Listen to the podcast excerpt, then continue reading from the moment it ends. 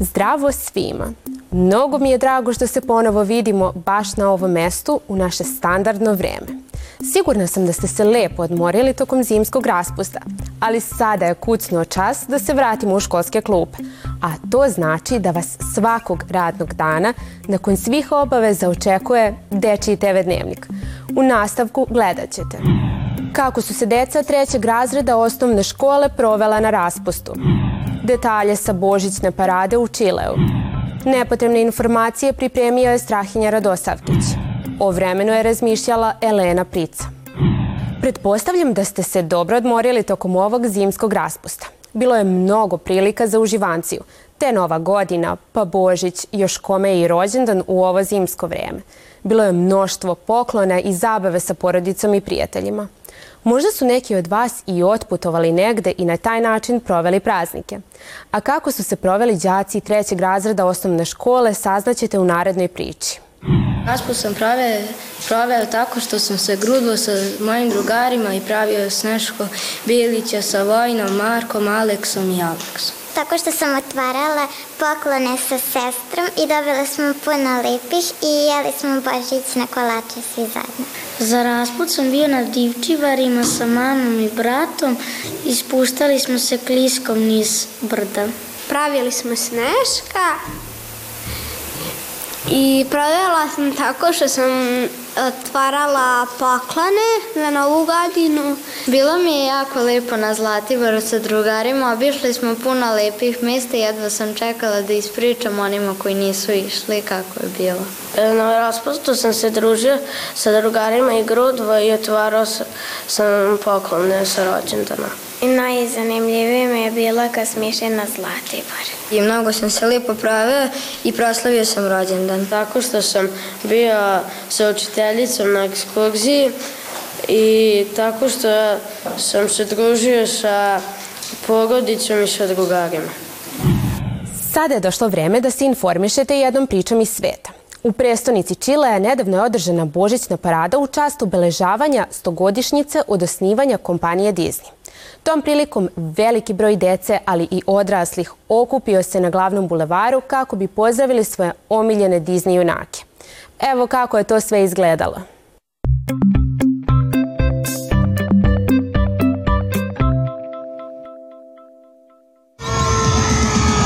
U Čileu su početkom decembra deca sa svojim roditeljima dobila priliku da učestvuju na božićnoj paradi u čast 100 godina Walt Disney kompanije.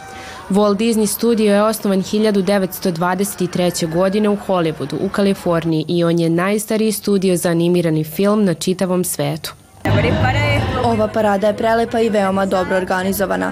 Obožavam sve likove iz crtanih filmova koje smo uspeli da vidimo. Disneyevi filmovi se uglavnom zasnivaju na klasicima, narodnim i lokalnim pričama o vilama i ljubavi. Prožete su humorom, tugom, ponekad velikim rizicima, ali prisutan je i put otkrivanja samog sebe. Ovo je sjajan događaj za decu, ali i za odrasle, jer nas podsjeća na naše prve susrete sa Disneyevim likovima, poput Mickey Mausa i Minnie. Deca su na paradi imala priliku da mašu svojim omiljenim Disney junacima, a roditelji da se podsjete kako je izgledalo njihovo detinjstvo. Kolega Strahinja Radosavkić mi je preneo da se zaista lepo odmorio tokom ovog zimskog raspusta.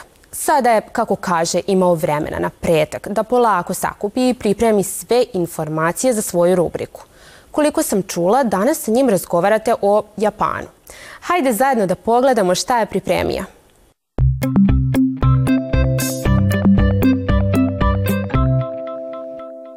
Zdravo! Danas pričamo o zemlji izlazećeg sunca, Japanu, i njihovoj kulturi koja je stvarno zapanjujuća. Da bi vas kratko uveo u priču, to je ostrvo u istočnoj Aziji koje je veće od Ujedinjenog kraljevstva. A sada ćemo saznati svašta o ovoj zemlji.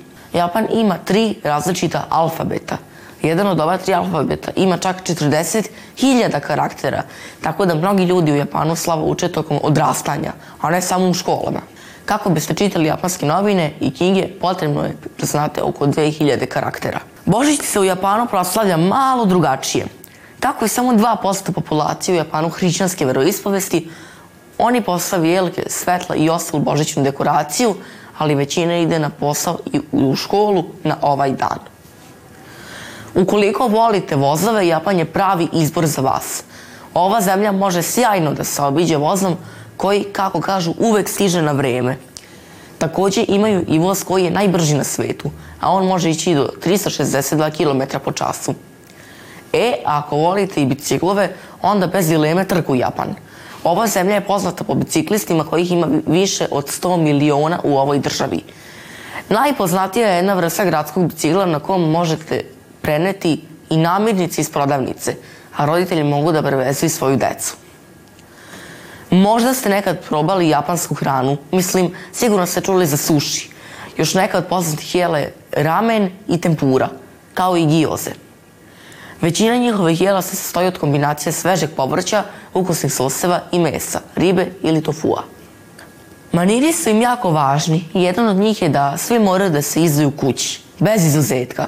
Mislim da je ovo veoma slično našoj kulturi.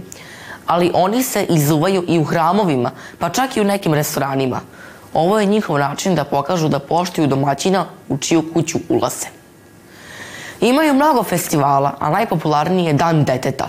Proslavlja se svakog 5. maja u nedelji koja je poznata kao Zlatna nedelja. Tog dana se proslavlja dečija sreća i slavi se još od 1948. godine.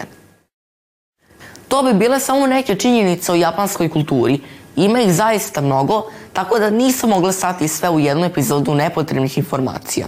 Zato nemojte se ustručavati da i sami istražite nešto o drugim kulturama. Doviđenja.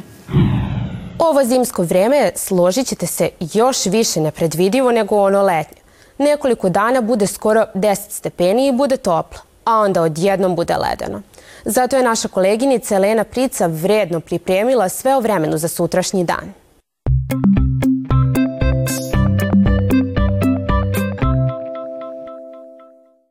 Zdravo svima. Drago mi je što se opet vidimo. Što se vremena tiče iz mojih pouzdanih izvora, saznala sam da nas sutra očekuje malo toplije vreme.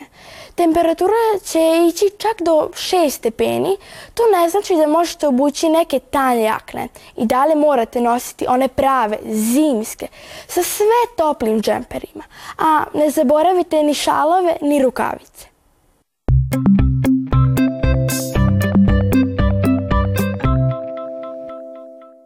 Došli smo do kraja današnje emisije.